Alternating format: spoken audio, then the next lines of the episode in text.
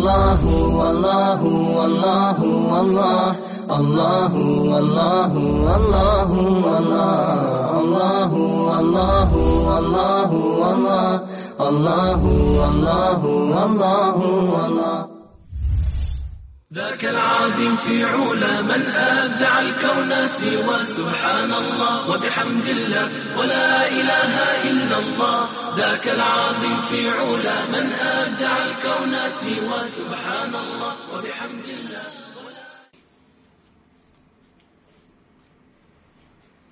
الحمد لله رب العالمين والعاقبة للمتقين. ولا عدوان إلا على الظالمين والصلاة والسلام على أشرف الأنبياء والمرسلين نبينا محمد وعلى آله وصحبه أجمعين. اللهم رب اشرح لي صدري ويسر لي أمري واحلل عقدة من لساني يفقه قولي وبعد. Kaže od Alije se prenosi radijallahu anhu da je rekao ne budite brzopleti medajija buzara telalđe oni koji vole da prenose vijesti nešto načuo i onda ode telali pomahali telalđi i nepovjerljivi. فإن من ورائكم waraikum bala'an mubriha, مبرحا مكلحا وأمورا wa umuran. Jer posle vas će doći vrijeme dugih i teških iskušenja. Ovo je bez imalo sumlje eh, Ali radijallahu anhu izvukao iz konteksta hadisa Allahovog poslanika sallallahu alejhi ve selleme o fitnetima koji će nastupiti nakon njegove smrti sallallahu alejhi ve sellem. I mnogo je hadisa koji govore o fitnama koje je Allahov poslanik sallallahu alejhi ve selleme prenosio ashabima kako one fitne koje će se desiti među samima njima.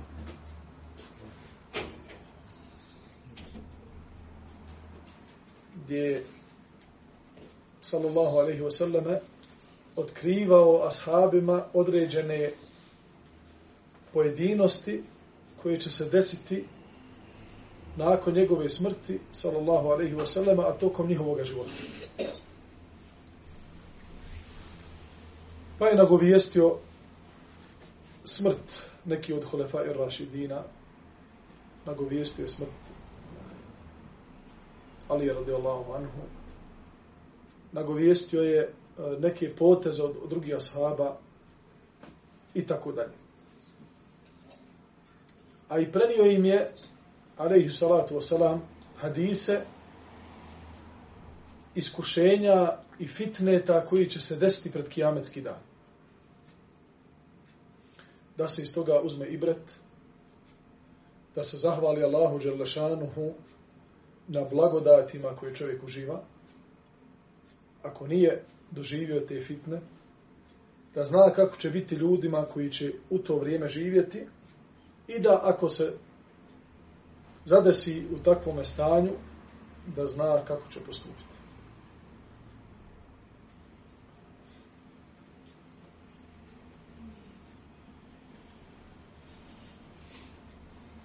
Od Ibn Abasa, radijallahu anhu se prenosi da je rekao kada htjedneš spomenuti nečije mahane, prisjeti se prvo svojih.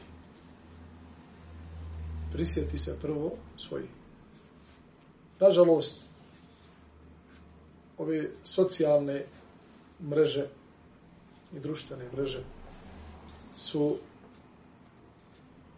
na jedan, da kažemo, postepen način opustile ljude da se osjećaju kao u svom domu.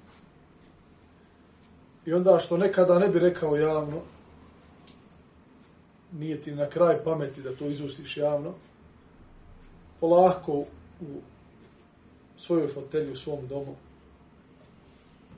u okvirima svoje kuće, osjećaš se i onda uzmeš maj mobitel i napišeš ono što ne bi javno nikad rekao.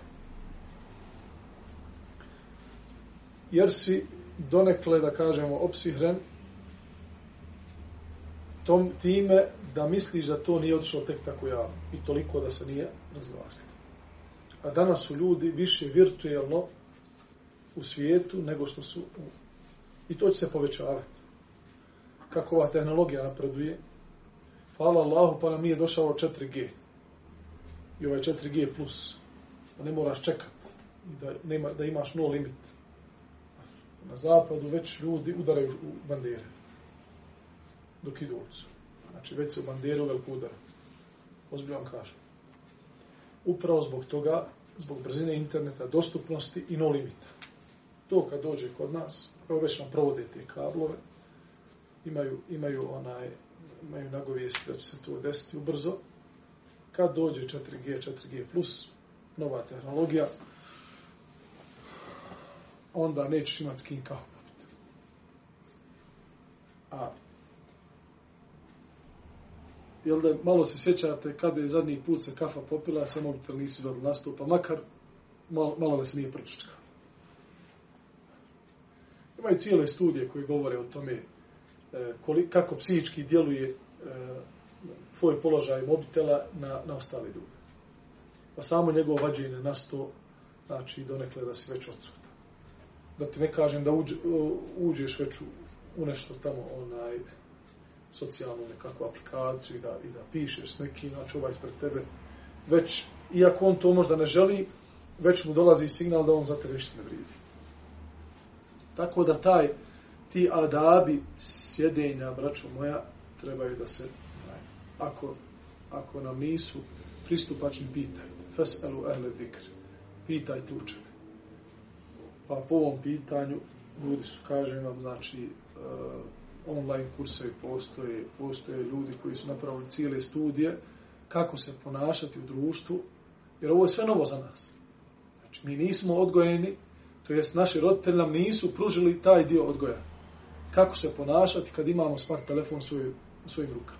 Nama je ovo onaj, silom prilika uguralo nekako onaj, u sistem našeg života u srednjim dobima. Znači, kad smo mi već odskočili nemamo to kućnog odgoja kako se ponašati. Ovo nije bilo kako smo mi bili mali. Ova djeca sada što rastu, da im je Allah dželle wa ala na pomoć. Jer dijete sa nepunu godinu dana zna da pomira tač gore dole.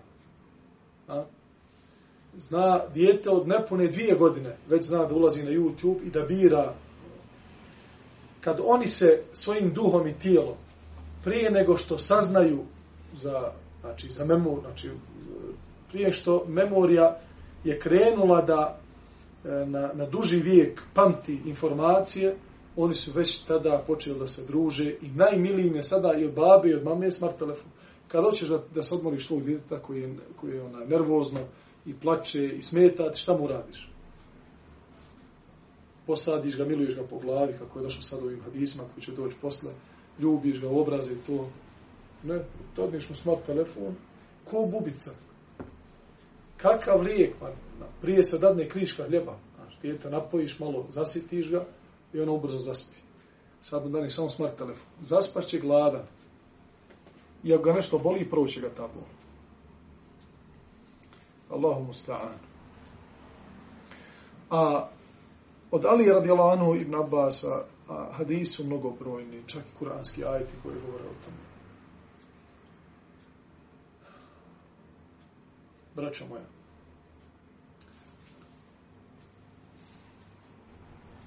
Od mnoštva onoga što se dešava u, u zadnjim danima, u zadnjim mjesecima, u zadnjim godinama, u onaj, i u krugovima vjernika i onih koji to nisu. Znači, kleveta je uzela maha i postala mustahab. mustahab znači, poželjna. I onaj ko ne kleveta, nešto nije u redu sa njim nije dovoljno hrabar. Već se naziva hrabrošću da ti izađeš sa, sa javnim stav, stavom i da nekoga opereš javno. Znači, ti si hrabar, ti si smio vjernik, tebe ohrabruju oni koji su već davno zagazili, čije srca su onaj davno uh, u obliku furne, one, tamo alfa, one, koja se nikad nije očistila. Govore o tome, braćo moja, koliko su ashabi vodili računa. Da ne okleveta jedan drugog. Pored svih, hajde da kažemo, iskušenja koje su imale od prvog perioda, pa nakon hijđre, pa pojava licemira, pa smrt Allahu poslanika, alaih salatu wasalam, hulefa ir rašidin, posle toga ovi ashabi koji su ostali u vremenima kada su došla iskušenja, poput Hadžađ ibn Jusufa i, i ostali iskušenja, e, nije bilo svojstveno drugojima Allahovog poslanika, ali salatu wasalam, da puste svoje jezike niti su to radili oni koji su naslijedili dobro. I nećete vidjeti da je jedan od alima bio poznat po kleveti. Nikada to nećete vidjeti u istoriji islama. I onaj čovjek koji je bio poznat po kleveti, Allah nije dao beričetu njegovom znanju. Onaj koji pričao često drugima i napadao druge, nije Allah Đalešanuhu dao beričeta u njegovome ilumu naćete, da ne spominjem sada imena, naćete neke islamske učenjake u historiji, koji su imali više znanja od nekih drugih. Ali ovi što su imali više znanja, nisu se proslavili, niti se njihove izreke prenose, niti se uzimaju samo zbog jedne stvari. Zato što su drugi spominjali pološe. Dok ovi koji su imali manje znanja, njihove se izreke rado prenose, samo zbog toga što su čuvali čast drugih ljudi. Pa je Allah Đelešanuhu omilio, omilio ljudima njihov govor i njihov govor je imao mjesto u njihovim srcima zato što je čuvao čast drugih ljudi. A plemeniti poslanik alaihi salatu wasalam je rekao kema te dinu tuda. Onako kako ti budeš se prema drugima obhodio, tako će biti prema tebi obhođeno.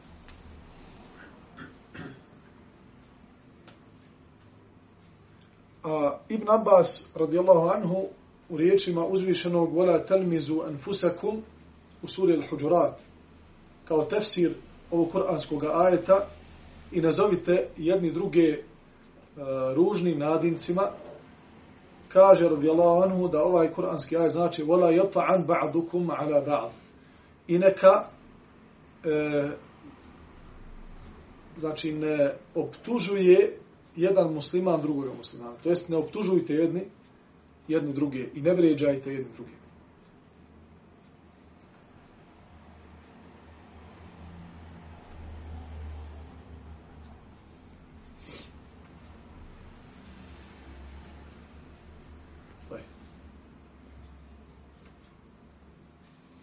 Poglavlje hvaljenje. Od Abdurrahmana Ibn Abi Bekre prenosi od svoga oca da je jedan čovjek pohvalio nekoga u pristu vjerovjesnika sallallahu alaihi wa sallama, pa je poslanik sallallahu alaihi wa sallama rekao وَيْحَكَ قَطَعْتَ عُنُقَ صَاحِبِكَ Kaže bola ne bio presjekao si vrat svoga prijatelja. To jest uništio si ga ili ubio si ga tom, tom halom. I to mu je sallallahu alejhi ve sellem nekoliko puta ponovio. Ako kaže sallallahu alejhi ve sellem nastavlja, ako već hoćete nekoga da hvalite, recite mislim da je takav i takav, a Allah će mu suditi i nikoga ne i nikog ne hvalite. Wala nuzakki ala Allahi ahada. Ovo je jedan od hadisa koji govore o pogrdnosti hvaljenja. O pogrdnosti hvaljenja.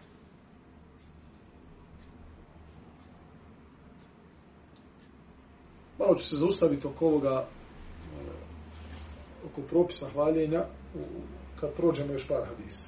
Da bi mogli imati ukupnu, ukupno onaj razmišljanje o, o ovoj temi. Od Ebu Musa, prenosi da je vjerovjesnik sallallahu alaihi ve sellem čuo nekog čovjeka da, kako pretjerano hvali drugog pa reče qata'tum dhahra ar-rajul. Kaže slomili ste mu kičmu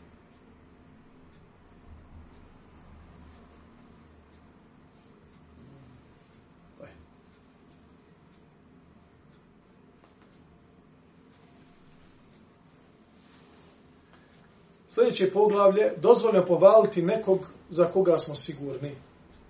Za koga smo sigurni šta? Da ga to hvaljenje neće uništiti, to je da ga neće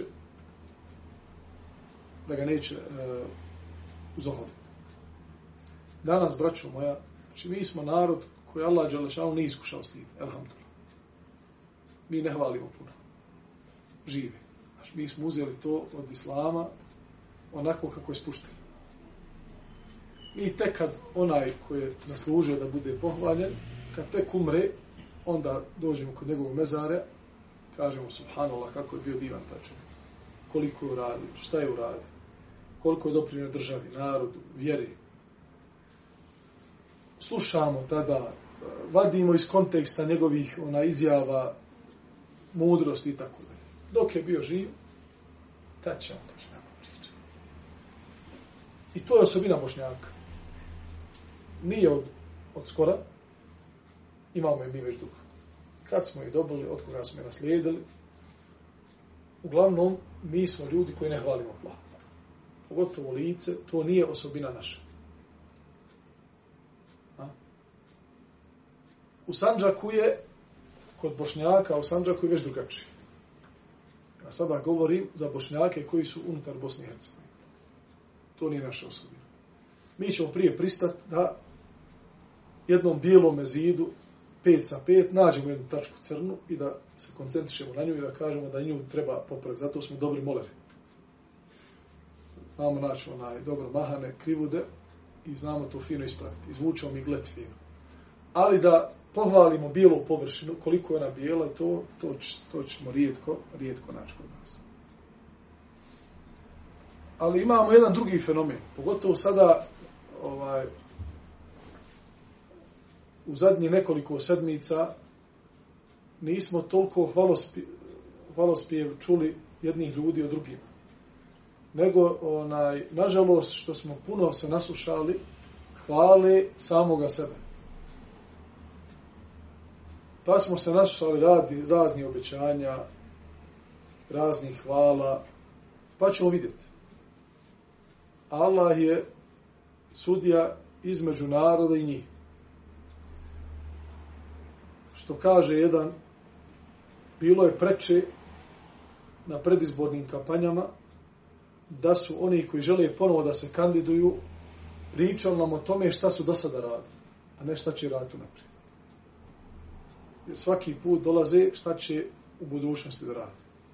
Nego da malo dođu sa time šta su radili u zadnjem mandatu, pa da na osnovu toga ljudi, i u kaj im znači da ih ljudi onda ocijene, da vide koju ocjenu. Međutim, rijetki su oni političari koji mogu smjelo pred masama da otvore deftere i da kažu mi smo za četiri godine uradili to i to jer se malo što što uradili. Do duše sad su razvaljili asfalt svuda okolo, gužva je, ali inša Allah, ta'ala, nadat je se hajr. Poglavlje dozvoljno je pohvaliti nekoga ako smo za njega sigurni kao što je sallallahu alejhi ve selleme od Abu Hurajra radijallahu anhu se prenosi vjerodostojno da je alejhi salatu selam rekao divan je insan Abu Bekr. Ni'ma ar-rajul Abu Bekr. Ni'ma ar-rajul Umar divan je čovjek Omer. Divan je čovjek Abu Bejde divan je čovjek Usaid ibn Hudayr. Divan je čovjek Sabit ibn Qais ibn Shammas divan je čovjek Muad ibn Amr ibn Džumah, divan je insan Muad ibn Džebel, a loši su taj i taj, i kaže Ebu Hurera radijallahu anhu, poslanik sallallahu alaihi sallam je tada nabrojao sedmoricu. Iako je Ebu Hureyra radijallahu anhu kao što je zapamtio imena onih koji su pohvaljeni po dobru, zahva, zapamtio imena onih koji su spomenuti po, po lošem, ali nije htio da spomene. Nije htio da spomene njihova imena, da se proširi, iako je čuo Allahov poslanika, sallallahu alaihi wa sallam. Pa tako, ako čuješ od nekog učenog insana, da je pohvalio nekoga, a da je pogrdio drugoga, nemoj uzeti reći ja sam čuo tog i tog učenog, pa imam ja pravo da prenesem. Prenesi koga je pohvalio, a sakri sam sramotu onoga koga je pokudio, postupit ćeš onako kako je postupio onaj koji je bio bolji i od mene i od tebe.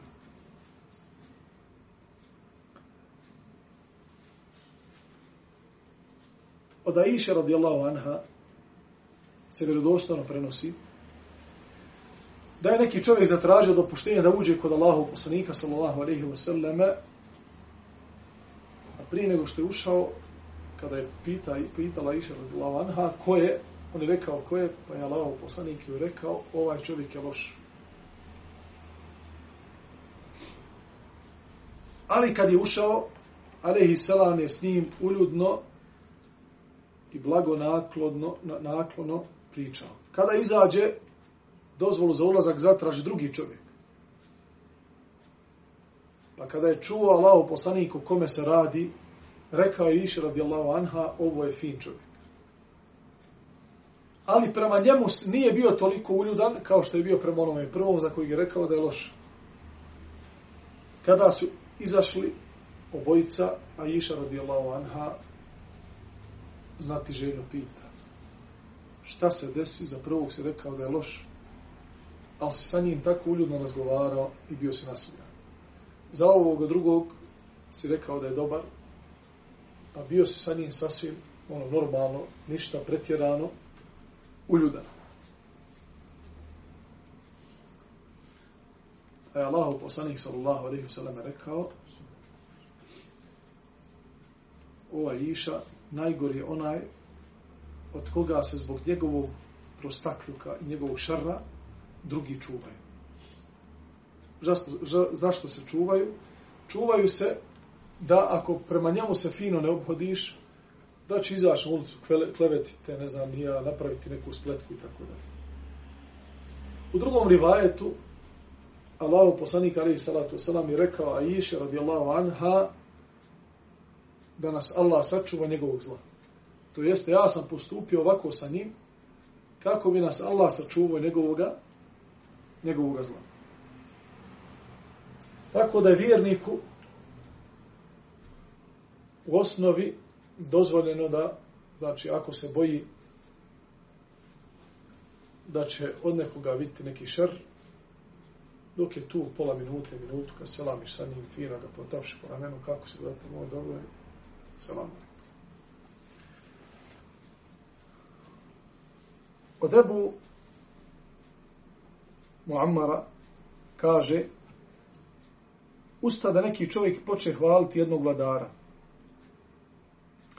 Pa je Mikdad uzeo pijeska i bacio mu u lice.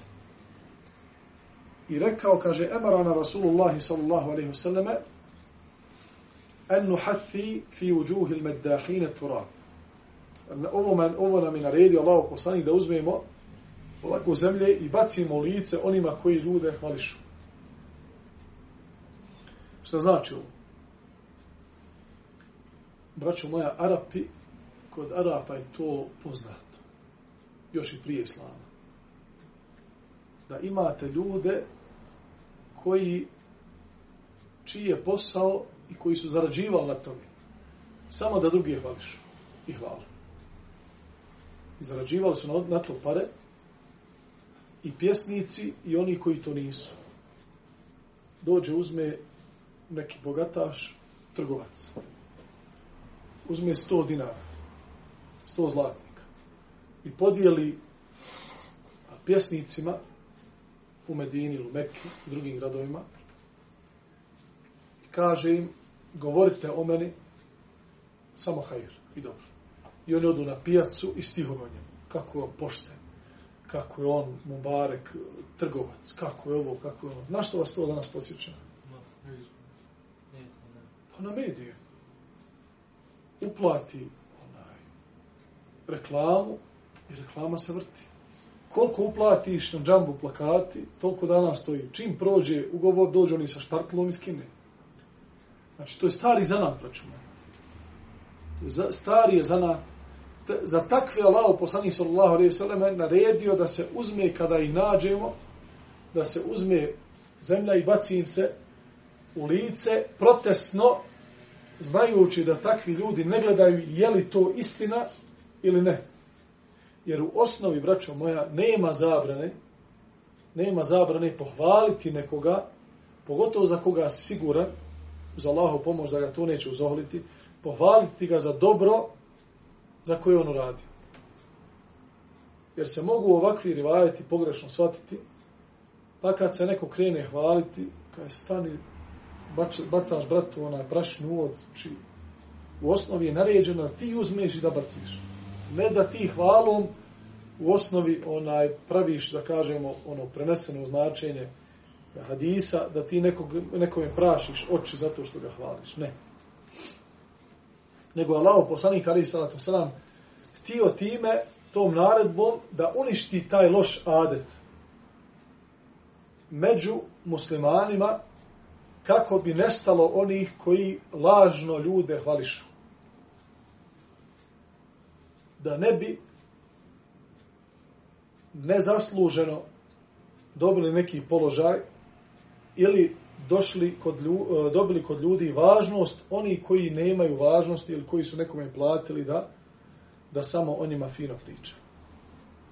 Tako evo i ovi izbori koliko ima ovih medahina koji su izlazili na bine i govorili o svojim predstavima, to što, što imaju koristi od toga. To je pokuđeno i strogo zabranjeno islamom.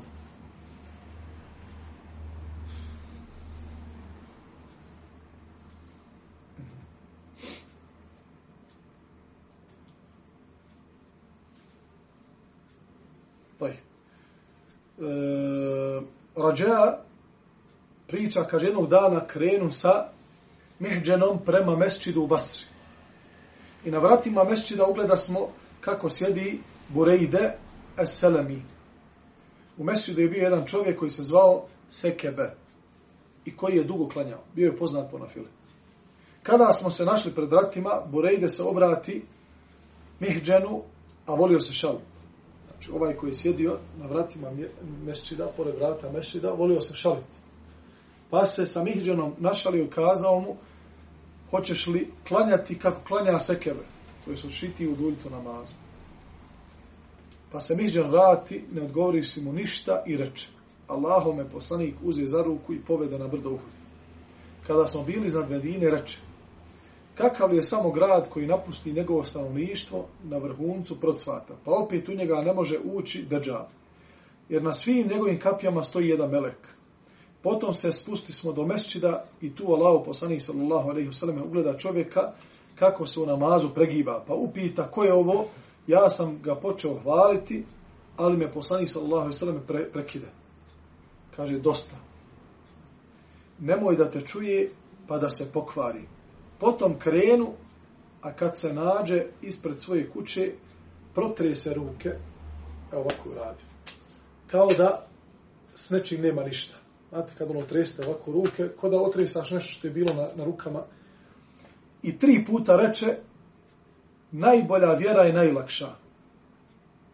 Inna hajra dinekum ejsera, inna hajra dinekum ejsera. U istinu najbolja vjera, ona, što je, ona koja je najlakša. Ovdje imamo nekoliko onaj stvari koji su u ovome rivajetu ovako zanimljive. Prvo, da imamo ljudi koji su, braćo moja, po svojoj prirodi šaljivči. I koji će ti nekad nešto reći što ti ne bi drugi rekli.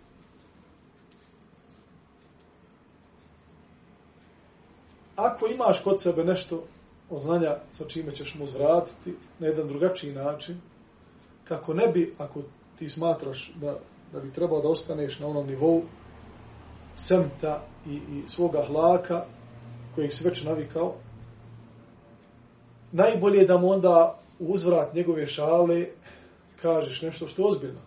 Jer ovaj se našalio. Ali Mihđan kada se vratio, nije mu rekao, pa ja ne znam ovako, onako, bolje da ti klanjaš u ti. Znači, to onda ne, nema smisla. Dospra se može tako da i šaliti, raspravljati, ne znam, nija zamjeriti drugima. Nego je Mihđen se sjetio onoga što se desilo između njega i najboljeg Allaha u grobu. I na taj način, ne samo da je ušutio Burejdu, nego mu je i prenio nešto za njega Znači, ovaj je se našalio, a ovaj drugi mu je prenio ovo što, onaj što, ono što ovaj nije, nije znao. Pa mu je, nije mu samo rekao ono što je dio konteksta onoga zbog čega ga je zadržao na vratima, to jeste zbog nafile i zbog podizanja glasa da onaj tamo čovjek onaj, čuje ga kako on njega hvali zbog, zbog duljine nafile, nego mu je čak rekao i odlazak, znači druženje Mehđena sa Allahovim poslanikom, ali salatu wasalam, da ga je uzeo do Uhuda i da mu je ispričao šta će se desiti kada dođe Deđal i nakon što se vratili u Medinu, kako se desilo onda sa čovjekom koji je za kojeg je Allahov poslanik, ali salatu wasalam, pita. I onda kada je ovaj počeo da ga hvali, mesečid je bio malo. E, Allahov poslanik, ali salatu wasalam, nije dozvolio da ovaj nastavi hvalu, misleći da je postoji mogućnost da ovaj čuje što klanja. Zamislite kako, se, kako bi se osjećao čovjek koji zna da kada klanja na filu, da za njega pita Allahu poslanik ko je taj čovjek. I onda ne samo to da je pitao Allahu poslanik za njega, nego i čuje hvalu i sluša kako ga drugi hvali po dobru, u istinu to bi ostavilo veliki efer i veliki traj na njegovu, na njegovu dušu. Pa Allah poslanik ali sallatu sallam ga šta? Prekinuo. Međutim, nije htio nije htio Allah poslanik ali sallatu sallam da tog čovjeka spriječi od hajra u kojim se on nalazi. Ali je Mihđenu, kada su se vratili do, do kuće Allahu poslanika ali sallatu sallam, htio da pojasni htio da pojasni e, srž Allahove vjere. A to je, braćo moja, da je najbolja vjera kod Allaha Đalešanu ona koja je lahka. Zbog čega to? Upravo zbog toga što čovjek prolazeći kroz ovaj dunjaluk nalazi se u raznim etapama svoga života. Od mladosti, od zauzetosti, poslova, prelaženja u jednu novu etapu gdje ti si porodičan, gdje imaš razne manete, gdje si u usponu, pa onda polako dolazi starost i Allah subhanahu wa ta'ala zna kome će dati duboku starost. Pa ako čovjek bude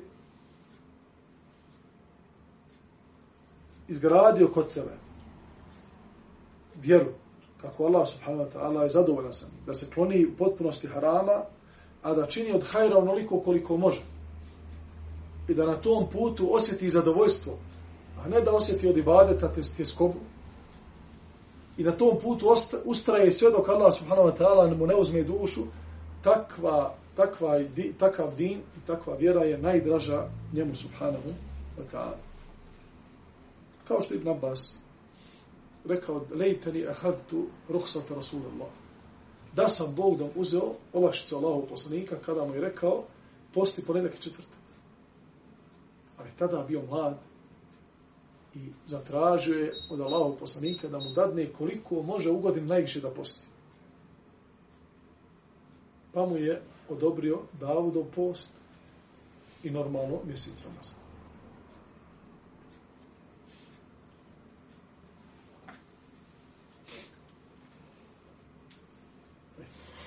Navešćemo još jedan rivajet i to će biti inša Allah ta'ala za ovaj put dovoljno. Od Esvad ibn Sarija kaže, došao sam Allahom poslanikom, sallallahu alaihi wa sallam, i rekao, Allaho poslaniče, hvalio sam Allaha i tebe u mojim pjesmama. Pa je Allaho poslanik sallallahu alaihi sallam odgovorio, tvoj gospodar u istinu voli da se hvali. To je da bude hvaljen.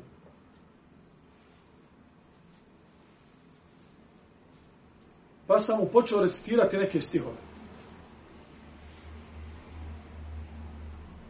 Sve dok ne pokuca krupan i pročelav čovjek na vrata Allahu poslanika sallallahu alaihi wa sallam pa mi reče Allahu poslanik da ušutim. Nakon što je malo razgovarao sa Allahom i poslanikom, izašao je. Pa sam ponovo počeo da recitiram stihove. Ali nakon što je ponovo ušao taj čovjek kod Allahov poslanika, opet me Allahov poslanik, sallallahu alaihi selleme zaustavio. To se ponovilo dva ili tri puta. Pa sam nakon što je treći put taj čovjek, kaže, izašao, upitao, zašto me ko je ovaj zbog koga me ušutkuješ? Pa je Ali salatu wasalam rekao, to je čovjek koji ne voli laž. Ko je taj čovjek? Omer. Omer. Omer.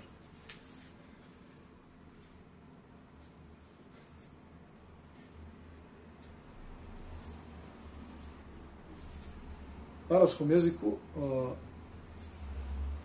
ovaj, u ovom rivajetu spominje se feste'dana rađulun tivalu usba'a u islam. Znači da je bio puno krupan i da je bio pročelav.